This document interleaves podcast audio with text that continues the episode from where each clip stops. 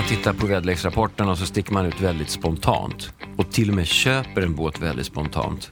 Hör och häpna, 300 000 kronor. Man kan liksom, det ska vara fint väder de närmsta veckorna och vi ska inte åka till Spanien i år, vi köper en båt. Folk kommer att prata med oss om att segla i Söderhavet, kanske börja på Tahiti. Man är borta ett par veckor. Vissa vill eh, hyra båt och segla själva och andra vill ta med sig en skeppare och medan vissa vill hyra en hytt ombord och eh, bara åka som på en kryssning.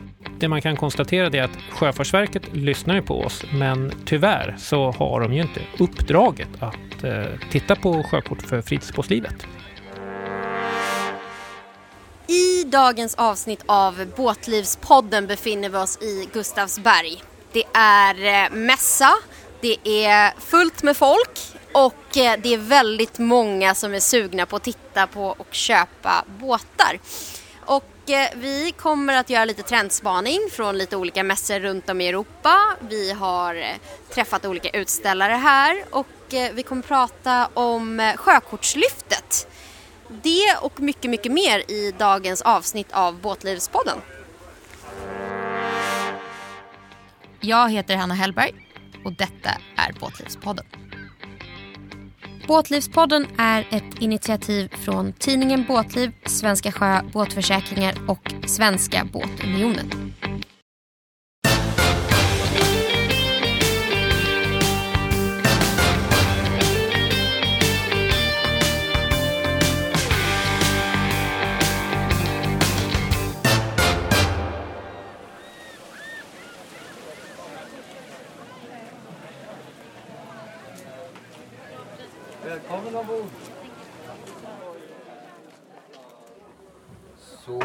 Snart te. Men fantastiskt eh, mysig eh, setting. Vi kommer liksom in i en liten stämning här ombord. Tina, du får finkoppen. Vi sitter ju faktiskt i eh, din båt på båtmässan i Gustavsberg. Båtlivspodden goes eh, live från Gustavsberg. Och det Precis. kändes ju passande att spela in här. Ja. Eh, vad tycker du om mässan hittills? Ja, jag är ju den som arrangerar mässan, eller vi Sweboat, så att det är klart vi är ju supernöjda. Vi är trötta men glada. Vi gjorde två mässor på västkusten förra veckan. Och sen så laddade vi vår inhyrda skåpbil och så körde vi allting hit till Gustavsberg. Öppnade nu klockan 10 då.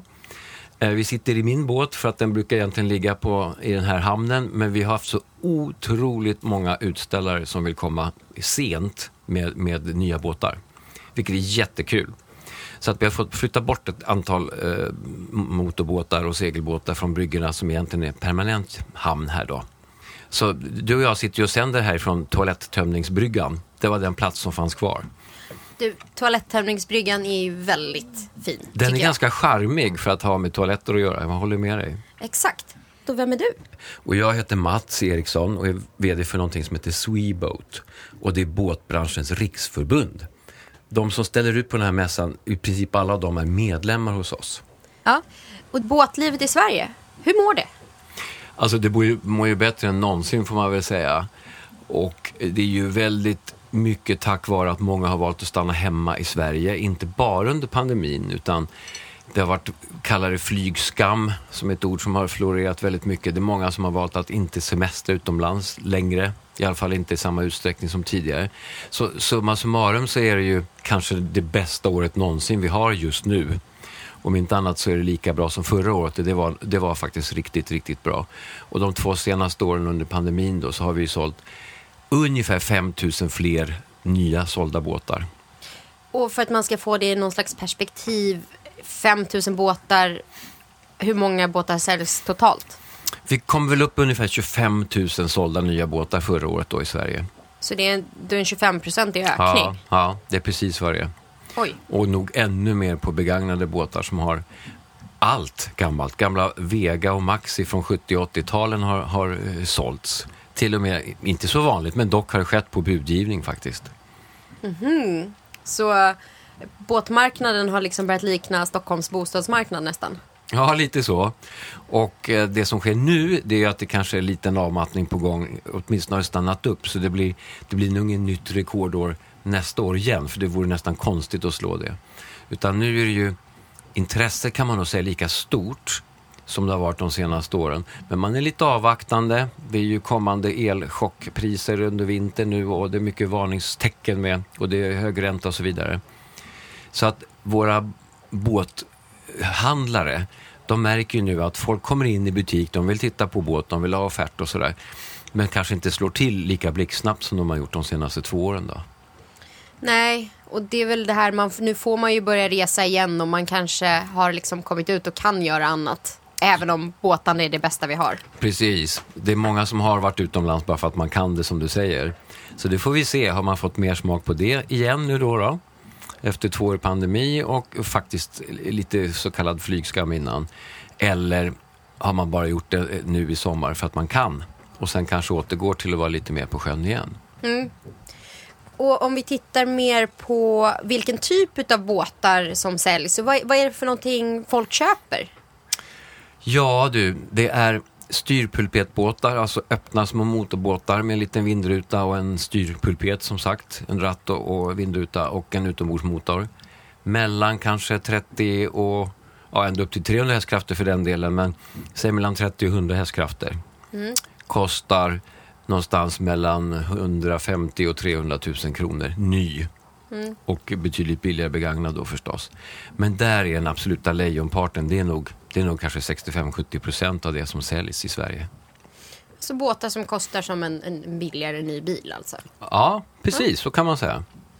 Okej, okay. ja men det, det möjliggör ju resor ut till vår fantastiska skärgård men det låter ju som dagstursbåtar. Det är jättemycket dagstur, ta sig ut till kompisar, till krogen, till stranden, till kobben och så vidare.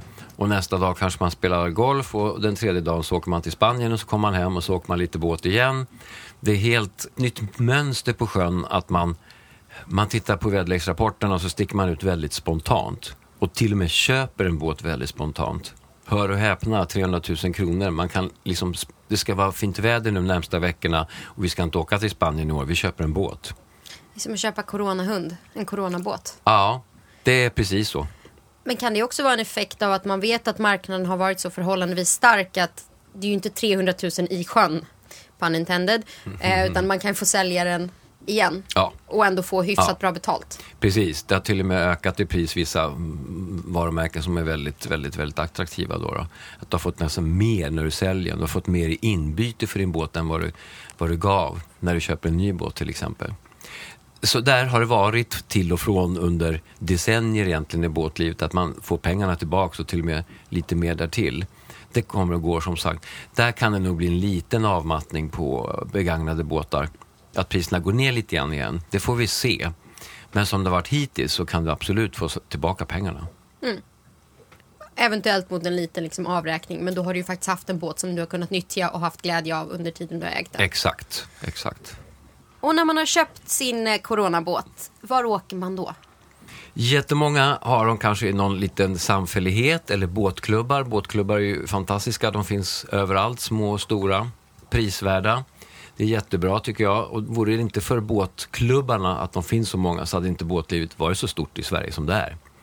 Sen har vi jättemånga som har sina båtar på varv, servicevarv och privata mariner. Men det är en betydligt mindre del än de som är på båtklubbar. Då. Så man har sin båt någonstans i sjön. Än så länge så vill de flesta ha sina båtar i sjön. Vi tittar lite på trailerlösningar till exempel på land. Man sticker ut till en sjökrog, käkar lunch eller käkar middag och, och kanske tar sig hem på kvällen och har någon som kör båten och de andra kan ta ett glas rosévin på kvällen i skymningen. Eller så har man varit ute på badkobben liksom hela dagen och sen sticker man hem framåt kvällen också. Eller tar sig till något av alla vandrarhem som finns i, i både Stockholms skärgård och på västkusten. Ja, så man liksom nyttjar sin båt som inte går att bo i men tar sig till boställen ute ja, i skärgården. precis. Så den blir som en bil fast på sjön istället då. Och vi har ju fantastiskt mycket gästhamnar i Sverige som ändå är rimligt prissatta om man jämför med, säg runt Medelhavet. Eh, hur har deras sommar varit? Det har varit rekord där också. Vi har inte fått se någon statistik. Vi träffar dem nästa vecka, Riksföreningen Gästhamnar Sverige som de heter. En gissning är att det har gått upp hos dem också och att man har stannat kanske någon natt extra jämfört med tidigare eftersom bränslepriserna har skjutit i höjden så har båtmänniskor velat vara på sjön men kanske inte åkt lika långa sträckor eller lika många sträckor rättare sagt. Man har legat kvar en dag till i en gästhamn eller naturhamn för den delen också. Gästhamnarna bör ha fått se en ökning i antalet gästnätter så tillvida att man har stannat längre hos dem. Ja, men spännande, då får vi väl säkert lyfta det i ett senare avsnitt av Båtlivspodden Mm. när vi får de siffrorna. För just det här har vi faktiskt siat om, jag och Lars-Åke. Så det vore intressant att se om vi får vatten på vår kvarn eller om vi varit helt ute och cyklat. Ja, ja, vi tror ju också samma sak. Så vi, vi, eh, vi kanske gör gemensam sak och kollar hur det har gått. Ja, och det är intressant att du nämner det här att det är ännu fler eh, utställare som kommer i år hit och nu och på kort varsel att alla liksom eh, corona köper sin plats på en mässa. För det är faktiskt det jag ska prata med Lars-Åke om alldeles strax. Mm. Ja, Vi ska mässpana. Ja. Så det var intressant att börja med det här makroperspektivet på båtlivet. För sen ska vi gå in på mikroperspektivet och båtmässorna.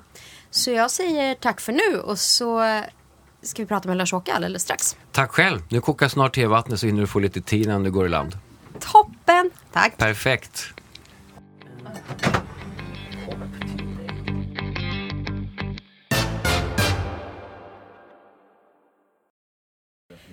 Hej Lars-Åke! Tjena Hanna, hallå hallå, kul att ni är på båtmässa. Verkligen. Vi är väl kanske på den enda båtmässan där du inte är i år. Ja, precis, jag brukar alltid vara på allihopa men um, i år så missar jag just mässan i Gustavsberg. Och det är väl för att du är på väg till en annan båtmässa. Till båtmässan i Cannes. Jag brukar åka dit ett par dagar innan så jag hinner vänja mig vid tidsomställningen. Ja, jag förstår det. Det, det. det är långt söderut och mycket att ha pass och grejer ner där. Men du har ju ändå hunnit med några båtmässor lite närmare hemmaplan. ja, Vi pratade ju lite om just Gustavsbergsmässan med Mats här precis. Men nu tänkte jag eh, grilla dig direkt eh, och fråga om trendspaning från de andra mässorna. Du som har varit och flängt. mm. de största trenderna ser ni nog själva för att Gustavsberg är ju ändå den största svenska flytande båtmässan här. Men eh, Mastran Motorboat Show var ganska stor i år. Med, jag vet inte exakt hur många båtar det var som ställdes ut där, men det märktes att det fanns liksom ett uppdämt behov av detta att komma igång igen med mässor. Det var ganska gott om publik och det var alltså besökare och det var gott om utställare. Så det var en fin mässa måste jag säga, trots att det legat nere i två år tidigare. Ja, men det är väl samma trend som man ser runt om på festivaler och annat. Folk har det här uppdämda behovet att få mingla. Eh, och det är ju trots allt det man gör 95% av tiden på en båtmässa känns det som. Ja, men så är det. Och många människor ville bara gå omkring och snacka och peta lite på båtarna och köra lite båt kanske. Det fick de inte göra i och för sig på själva mässan, men det kan man göra efter på kvällarna och sådär. Men det var gott väder på Mastran och det bidrar ju till att det blir en skön känsla runt alltihopa. Eh, Den stora trenden är väl möjligen att eh, Ja, möjligen att elbåtarna ökar lite grann igen, men fortfarande så står det lite och stampar tycker jag. Alltså det kommer inte igång och det beror på prisbilden, det beror på um, infrastruktur och så vidare. Men nu har vi ju sett den nya båten ifrån uh, X-Shore här som visades igår kväll, den 1 september. Ja. Och med den så kanske det kan lossna lite grann faktiskt. Ja, alltså de gör det ju väldigt svårt för mig att inte fortsätta dra eh, Tesla-analogier. Men det är ju som att de har släppt sin modell 3 med den här. De har gjort en, en båt som är lite mindre men lite mer prisvänlig. Ja, den är, mm, alltså den är riktigt prisvärd om man ska tala i elbåtstermer. Den kostar en, ungefär en miljon plus svensk moms, alltså 1,25 miljoner. Då. Och I elbåtssammanhang så är det mycket prisvärt. Billigt är väl fel uttryck här, men eh, man kommer verkligen ner. Och de drar ju själva analogin med jämförelse med Tesla modell 3 eller Tesla överhuvudtaget. Så att i och för sig, alla andra jämförelser är väl orimliga eftersom bilbranschen är så oerhört mycket större. Men det ska bli kul att se hur de lyckas med den här båten. Den byggs modernt i Nyköping i en ny fabrik. Så att eh, med ny teknik och ett nytt ledarskap och alltihopa så tror jag det kan bli någonting riktigt spännande att följa. Ja, Men jag var på en mässa till. ja. Orust har ju sin egen mässa. Det hette Öppet varv tidigare. Nu heter det Orust Sailboat Show med Öppet varv. Och eh, Magnus Rassi som är frontalfiguren där, han brukar alltid lägga till att det är Skandinaviens största renodlade segelbåtsmässa. Och det är det säkert. Den är fantastisk eh, på sitt sätt. Fast det är ju väldigt mycket färre båtar där än vad det är i Mastran till exempel eller i Gustavsberg. Ja, men eh, som eh, Mats nämnde så är det ju vad är det, 65 procent av alla båtar som säljs är små styrpulpetare med någonstans mellan 300 och, eh, äh, 30 och 300 hästar. Och segelbåtar är ju rätt långt ifrån eh, från det. Så att, ja. Det finns ju en betydligt större marknad för båtar som kostar under en halv miljon än de som kostar fem miljoner plus. Ja, visst. Kanske. Men man ska ändå vara stolt över att vi har ett så fint eh, båtmässa och så fina tillverkare i Sverige fortfarande. Och det har tillverkats väldigt många fina segelbåtar i Sverige. Alltså Rassi har ju byggt nästan 10 000 båtar sedan eh, de öppnade tidigt 70-tal och det är ju mycket respektingivande. Nu visas det en ny stor segelbåt här, en Najad 450 på skiss än så länge. Det var en ny Arcona, det var en ny XJ och eh, en ny båt från Gabriel Heyman som visas på mässan där. Så att det finns ju, kommer ju nytt hela tiden och det är kul. Ja, och här uppe på mässan i, i Gustavsberg så visar ju både Arcona upp två av sina modeller. Eh, 435 som har vunnit European Yacht of the Year och Linjett är här. Och de visar upp Linjett 39 som det också kom ut igår att den är nominerad eh, till samma pris. Mm. Så att svensk båtbyggarkonst uppskattas ju och uppmärksammas runt om i Europa. Absolut. Vi är väl ganska kända för att göra högkvalitativa välbyggda båtar. Alltså Orust är ju ett eh, namn i hela båtvärlden kan man säga. På samma sätt som eh, Jakobstad eller området runt Svan och NATO, NATO och Baltic i Finland är det två väldigt kända områden för kvalitet och människorna som bor där verkar ha det i blodet om man får säga så lite grann att bygga båtar med högsta kvalitet. Ja, eh, nej men det, det håller verkligen med. Jag måste plocka upp en grej som vi snappade upp på bryggan här när vi gick. Eh, jag och eh, Tina, vår producent. Och det är hennes första båtmässa, så jag passar på att visa henne runt här. Eh, och då gick vi förbi eh, just X-Yachts. Eh, och eh, ja, det blev lite kontrovers där när vi sa att vi hade varit och tittat på Arcona-båtarna. För han bara, nå, varför stal de min eh, marknadsföringskampanj? Ja, visst. 50 är ju nog en X-yacht som är sex år gammal. Men ja, det blir nog kanske bra när vi ser den. Så att det är lite sån, nu, nu kokar jag kanske en storm i en tekopp här, men nu är det lite skvaller från båtmässan här. Ja, jag tror det är bra att det blir lite sånt. Alltså, vi har Volvo och Scania i Sverige och de är de värsta konkurrenterna på lastbilsmarknaden. De tillsammans har hjälpt varandra så att det blivit en bättre marknad för alla. Så att det där har nog alla nytta av. Och man kan nog skilja på XJ och X-Shore. Det är ju två olika varumärken. Ja, jag tänkte på XJ och eh, Arcona. Jaha. Ja, det är väl mm. ännu mer långt ifrån varandra namnmässigt. Nej, det klarar nog folk att tänka till. Ja, ja, absolut. Det var väl mer att han var väl lite skeptisk mot att han tyckte att eh, Arcona hade liksom eh, snott deras design. Mm. Bara tagit en färre snobbrand. Men eh, ja, vi får se uh, hur det där spelar ut sig vi, när den båten kommer i sjön, Arcona 50. Eh, om vi cirklar tillbaka lite till det här med elbåtar. Eh, det är ju på tapeten för att det kommer inte vara hållbart att 65% av alla båtar som säljs är båtar med eh, eh, fossilmotorer i brist på mer eh, snyggt ordval. Polestar. Samtidigt är det inte eh, särskilt miljövänligt att eh, skrota alla båtar som finns och ersätta dem med nybyggda elbåtar. Utan man får nog vänta här och försöka byta ut efterhand och så vidare. Ja, sant. Och analogin med bilvärlden håller väl starkt fortfarande. Men jag tänkte ändå på en nyhet som kom i dagarna med Candela och Polestar. Ja. Fortsätter bilspåret. Precis, det var faktiskt Polestar själva som gick ut med detta först innan Candela hann ut med det. Att Polestar och Candela ska börja samarbeta om batterier i båtarna. Och bilarna då förstås. Eh, man ska kombinera Polestars batterier och eh, Candelas eh, egen teknik när det gäller bärplan i båtarna där Candela har ett väldigt spännande koncept med sina datorer som känner av hur vågorna rör sig mot skrovet i tusentals gånger i sekunden.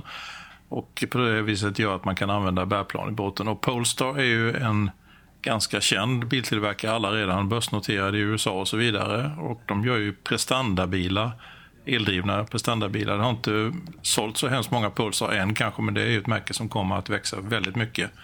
Och att två sådana här svenska bolag, eh, Polestar finns i Göteborg och Candela i, i Stockholm, att de samarbetar, det är nog så att båda kommer att dra ganska stora växlar på det och fördelar.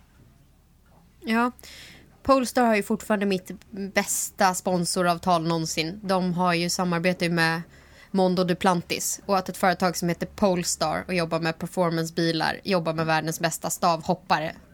Det är ganska rätt. Mm. det är fantastiskt. Men vi hade en liten eldriven båt till som jag skulle vilja nämna och det är Nimbus. De började visa sina elbåtar 2009 faktiskt. Jag var med på den här presskonferensen. Det var ett väldigt ståhej den gången, men det blev aldrig någonting kan man säga. Det blev inga båtar i produktion, men de visade ändå att de var på banan. Och sen efter det, för två år sedan, så började de visa de första båtarna med varumärket Bella. Och sen dessutom har de haft en familjemotorbåt som har funnits eh, eldrift också om man har velat. Men nu kommer det en båt som heter Nimbus 305 Drophead. Den är lite långsamt, mer långsamgående båt än traditionella Nimbusbåtar. Den gör ungefär 20 knop. Och där finns nu möjligheten att välja till ett eh, eldriftspaket från Tokido så man ska kunna köra ungefär ja, lite mer än 50 distansminuter eller sjömil i knappt 6 knop. Det är ganska bra, alltså det räcker för många människor. Det är inte, de, de flesta kör inte mer än 50 distans på en dag. Sen får man ladda över natten eller snabbladda någonstans om man har möjlighet till det. Så det är någonting som är spännande tycker jag. Men du säger att den går i 20 knop. Jag kan inte låta bli att dra paralleller till den här eh, konceptbåten från Vaxholm Komposit, Jakt. Den planar ju inte. Planar den här eh, Drophead-båten? Nej, det är ett halvplanade skrov här också. Och man kan alltså inte köra 20 knop, 50 eh, distansminuter, utan man får hålla sig på 5,7 tror jag de har sagt. Men det är ganska skönt och många människor får anledning att lugna ner sig lite grann på sjön. Det är väl inte helt fel. Nej, och man kanske kan komma, säg 20-30 distans i 10 knop. Mm, någonting sånt, skulle jag kunna tänka mig. Ja. Eh, det är ju eh, exponentiell elförbrukning när man ökar farten. Ja, Den är liksom inte linjär. Nej, nej. Men det lär man sig. Alltså alla som har en elbåt eller har kört elbåt, de sitter nog och tittar på den här mätaren där det står hur många procent batteri man har kvar. Och man fattar ju rätt snart att om man håller sig runt 50, kanske 60 procent effektuttag, då kommer man långt, eh, relativt långt i alla fall. Mm. Och att öka till 100 procent, det, är bara dumt. Mm. Det hade ju varit värdefullt för miljön om folk tänkte så när de körde förbränningsmotorer också. Men från en typ av eh, photo moments med Candela till eh, kanske en mer realistisk eh, bild av båtlivet alltid. Det var jättemånga som var med och deltog i livet i båtlivet. Ja. Var du med? Nej, jag var inte med själv eh, tyvärr. Jag glömde nog bort det måste jag säga. Det här gäller ju bara ett enda dygn, den 22-23 juli från 7 på morgonen till 7 på morgonen dagen efter. Och då skulle det vara meningen att man skulle ta in en massa bilder och skicka in det via hashtaggen eh, livet i båtlivet och lägga upp dem på eh, nätet. Och sen så skulle man då kunna vinna biljetter till båtmässorna. Så att både båtmässan i Göteborg och Allt för sjön i Stockholm var med, ska vara med här i en jury tillsammans med representanter för Svenska Båtunionen och välja ut några stycken som ska få fribiljetter till båtmönstren som kommer sen på, i början på 2023. Det är kul. Man kan alltså gå in på Instagram och Facebook och söka på livet i båtlivet, hashtaggen livet i båtlivet, så kan man hitta alla bilderna som har skickats in där. kan vara kul. Mm, jag var faktiskt med. Bra. Ja, eh, det blev eh, Latergram. Under eget namn, eller hur ska vi göra? Ja, under mitt eget namn. Eh, det var en eller två dagar sent, för det var när jag seglade från Bermuda till Newport. Men eh, lite Atlanten-livet i båtlivet bidrog jag med. Det är bra. Får se om det var någon större vinst på det. Jag kanske får gå på båtmässa ändå. Vi får se. Mm, det finns nog vissa möjligheter. Ja, en eller annan. Det vi inte fick under pandemin var ju eh, liksom mässor. Och det märks att det är ett uppdämt behov. Vi hade ju en del digitala båtmässor. Men nu har vi fått Sveriges första digitala marina. Ja. Hur funkar det? Jag får inte ihop det. Alltså de här digitala båtmässorna lyfter ju aldrig ordentligt, varken i Sverige eller någon annanstans. Men det här med digital marina kan nog lyfta och det har egentligen har det funnits någonting liknande ganska länge med digitala loggböcker där man har kunnat logga in sin båt och skriva vilken service man behöver och har gjort och alla tillverkningsnummer på motorer och elektronik ombord ifall någonting blir stulet. Men här är det ett svenskt företag som heter Boat Buddies som lanserar den första digitala marinan. Och de säger själva att det är ett nytt sätt för båtägare att få tillgång till smarta båttjänster genom att använda en app och den finns ju då givetvis för både Apple och Android. Mm. Och där får man hjälp med lite allt möjligt. Digital servicejournal, dagbok och möjlighet att beställa eh, olika tjänster och så vidare. Jag tror det är en ganska kul grej. Det är nog inte bara nya båtägare som tilltalas av detta utan det gäller nog de flesta som kan ha hjälp av sånt här. Så digitaliseringen är inte bara av ondo? Absolut inte. Jag älskar själv Outlook och det här är väl någon vidareutveckling av sådana saker. Man kan lägga in allting och få påminnelse och logga allt. Sånt, sånt är bra. Det, och dessutom ska man sälja sin båt någon gång eller behöver veta lite mer om båten så finns ju allting där. Eller om båten blir stulen. Det har ju visat sig i de här senaste utredningarna i Sverige när man har hittat stora mängder med stulna grejer att finns det en motor med bland en, i en container med stulna grejer så kan man ofta reda upp ganska många stölder av dem som, som har ägt rum. Då. Det är ett litet besvär att skriva in i en app eller i en eh, digital tjänst vad man har för motornummer. Om man kan skydda sig på det viset. Det är väl smart. Ja, praktiskt och tidseffektivt och eh, ett bra sätt att skydda sig. Men jag tror att vi kommer få anledning att prata mer om båtstölder och sånt vid ett senare tillfälle. Men nu så ska jag och Tina ge oss ut och eh, vara flygande reportrar här på båtmässan. Så jag säger eh, tack och hej och så hörs vi, eh, ja du och jag hörs igen om två veckor. Och jag säger som de finlandssvenska båtbyggarna, kiitos. Kiitos.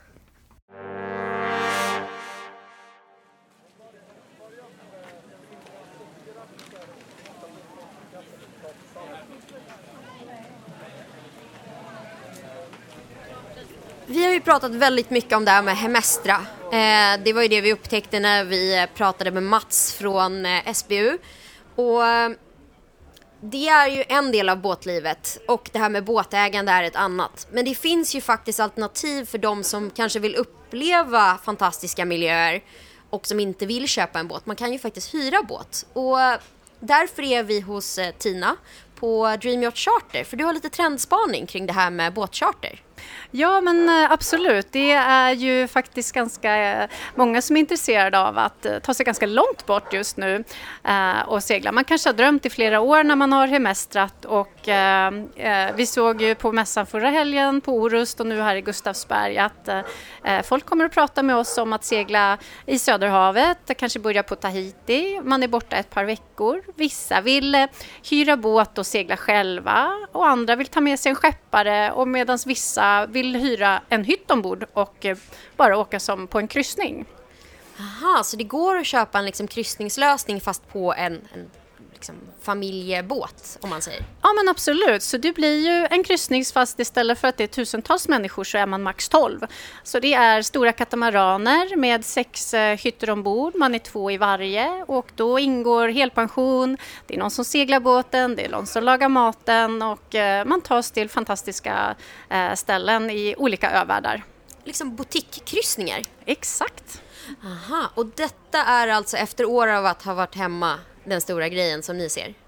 Uh, ja, uh, det tycker vi nog. Åtminstone så kommer man och pratar med oss om det. Sen så självklart så vårt största är ju ändå att hyra båt och segla i Kroatien. Men det har ökat att man går upp i storlek, man vill bjuda med sig barn och barnbarn. Man kanske går från enskrov till katamaran och tar med sig en skeppare. Och vissa lyxar till med värdinna eller kock. Spännande! Ja, live från båtmässan, spaningar från höger och vänster.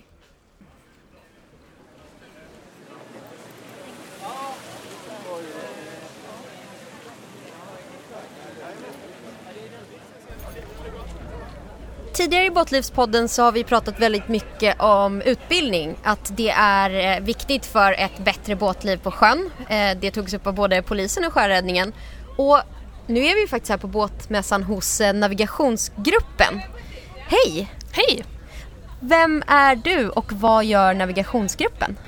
Eh, jag heter Helena eh, och navigationsgruppen utbildar inom båtlivet. Eh, vi utbildar allt från nybörjare till mer erfarna inom förarintyg, kustskepparintyg och avancerad utbildning om högfartsnavigation. Spännande. Jag måste plocka upp det här med ungdomarna för det har varit ett tema också att det gäller att fånga dem tidigt för då blir det bra sen. Ja men precis och det gör ju vi då genom vårt boatcamp som vi startade 2014 det är en utbildning i tre steg för ungdomar mellan 12 och 15 år. Och vad får man göra på ett boatcamp? Man får praktisera väldigt mycket, åka båt mycket. Eh, vi läser förarintyget och sen i steg två så går vi vidare med manöverintyg för högfartsbåt och sen så avslutar vi i steg tre med kustskepparintyg.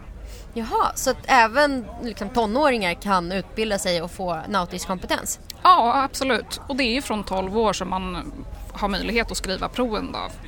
Och kan ungdomarna köra båt? Finns det hopp för framtiden? Absolut.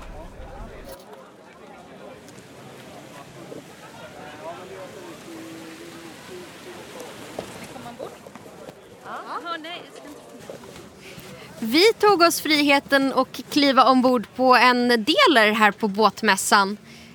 Kan du berätta, vad är det för båt vi sitter på? Ja, vi sitter på en Deler 38 SQ. Ja. En eh, familjebåt. Det är det absolut.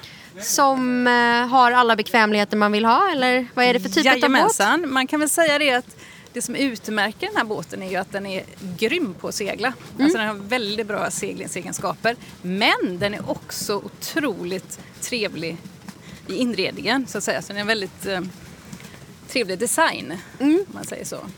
Och det är en sak till. Ja. Det är ju priset förstås. Ah, så en prisvärd båt. båtar. Ja, och då har vi gått händelserna i förväg som jag alltid tenderar att Aha. göra. Vad heter du? Katrin Ryrfeldt. Och jobbar för Deler? Jag jobbar för Båtverket Sverige, Deler Sverige. Ja. Och då tänker jag att det är ett gyllene tillfälle för mig att fråga. Du har ju koll på, du träffar ju mycket kunder antar jag. Och vad är det man efterfrågar idag när man letar efter en fritidsbåt? Eh, jag skulle nog vilja säga att eh, man tittar väldigt mycket på hur den ser ut, eh, hur boendekomforten är till exempel. Men sen finns det ju de som också tycker att det är viktigt med en segelbåt, att den just seglar bra. Mm. Det, det, är ju, det är ju inte så konstigt. Nej, om man, om man köper en motorbåt så är man ju intresserad av att den kanske går fort eller... Precis. Så komfort och att den faktiskt eh, seglar bra. Ja. Men om vi går in på lite mer detaljer. Vad, är liksom, vad önskar man mer? Vad, vilka bekvämligheter är liksom det man letar efter? Eh, det kan ju vara sådana grejer som hur många kojplatser det är, mm. hur många kan bo på båten. Uh, hur ser, ser egenskaperna ut i, i, salongen till exempel när man ska sitta inne och äh, kanske äta och ha vänner och hur det ser ut när man lagar mat. Uh, Ja, överhuvudtaget bekvämligheter. Hur är det i sittbrunnen? Får man plats att sitta många i sittbrunnen? Kan man eh, sitta här och njuta på kvällen? Eh, solnedgången till exempel med sina vänner. Ja. Så att man letar ju egentligen efter en eh, flytande eh, alternativ till en sommarstuga? Ja, det skulle jag vilja säga. Ja. Men man njuter av att vara på havet. Ja. Alltså man, man gillar havet. Och sjöutsikten och ingår? Ja, precis. Ja, men tack för att vi fick komma och gästa din eh, fina båt. Vi ska flyga vidare här på båtmässan. Vi ska snart intervjua Peter Karlsson från eh, SBU om sjökort. Tack.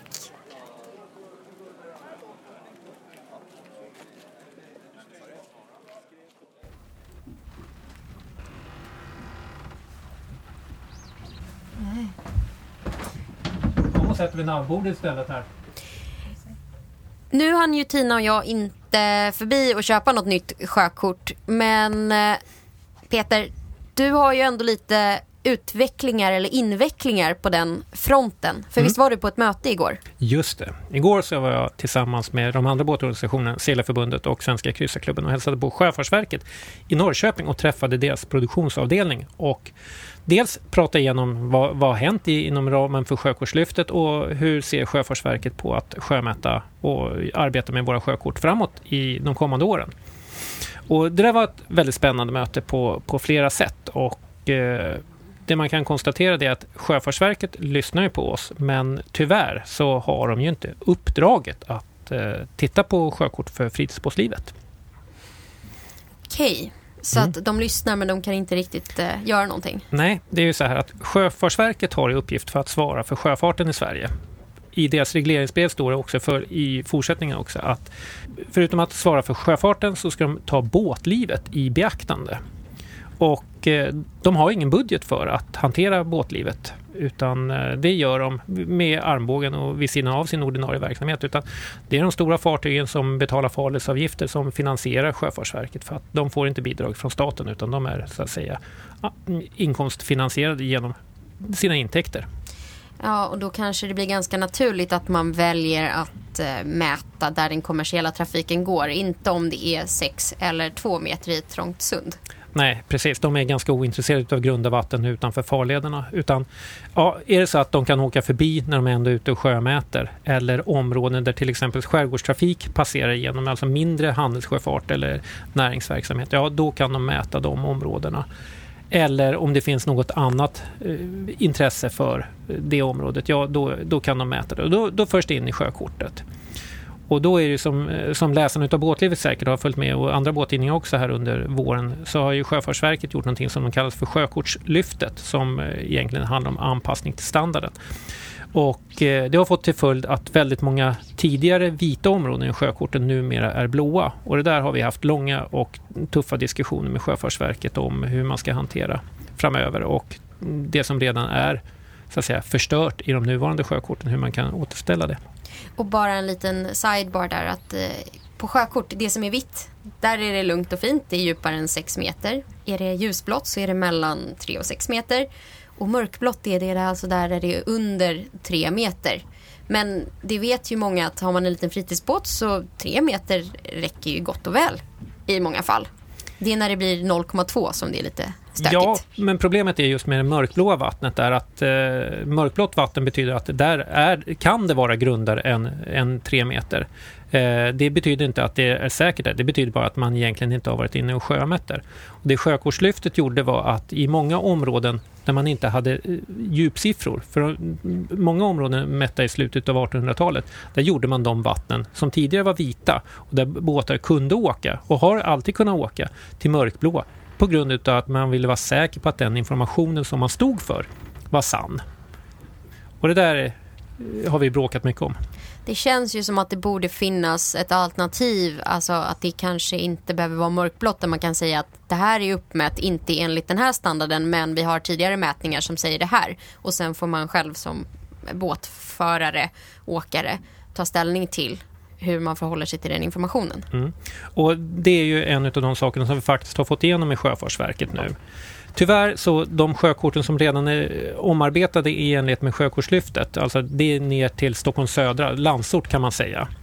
De är tyvärr redan åtgärdade. Men nu när man fortsätter längs Sveriges kust så har man lyssnat på oss och information som finns utanför farlederna i nuvarande sjökort kommer man inte ändra på till, eh, i, i fortsättningen. Och vi har också tillsammans med Sjöfartsverket tagit fram kriterier för hur Sjöfartsverket i mån utav budget och eh, resurser ska prioritera områden i de redan så att säga, de sjökort som har gått igenom Sjökortslyftet. Det var det mötet igår i Norrköping framförallt handlade om. Okej, vi får väl se hur det här utvecklar eller invecklar sig framöver. Vi får säkert eh, chans att återkomma till det i senare avsnitt. Men eh, vi hoppade in i det här som vanligt i Båtlivspodden. Peter, vem är du? Ja, Peter Karlsson heter jag. Jag är verksamhetschef för Svenska Båtunionen och leder Svenska Båtunionens kansli. Och vi sitter på Djurgården och eh, har hand om vår dagliga verksamhet. Toppen, då fick vi med formalien också. Och så får jag säga eh, tack så hemskt mycket för att du tog dig tid på denna eh, busy mässa får jag ändå säga. Ja, nu ska vi ut och titta på nya fina båtar. Ja.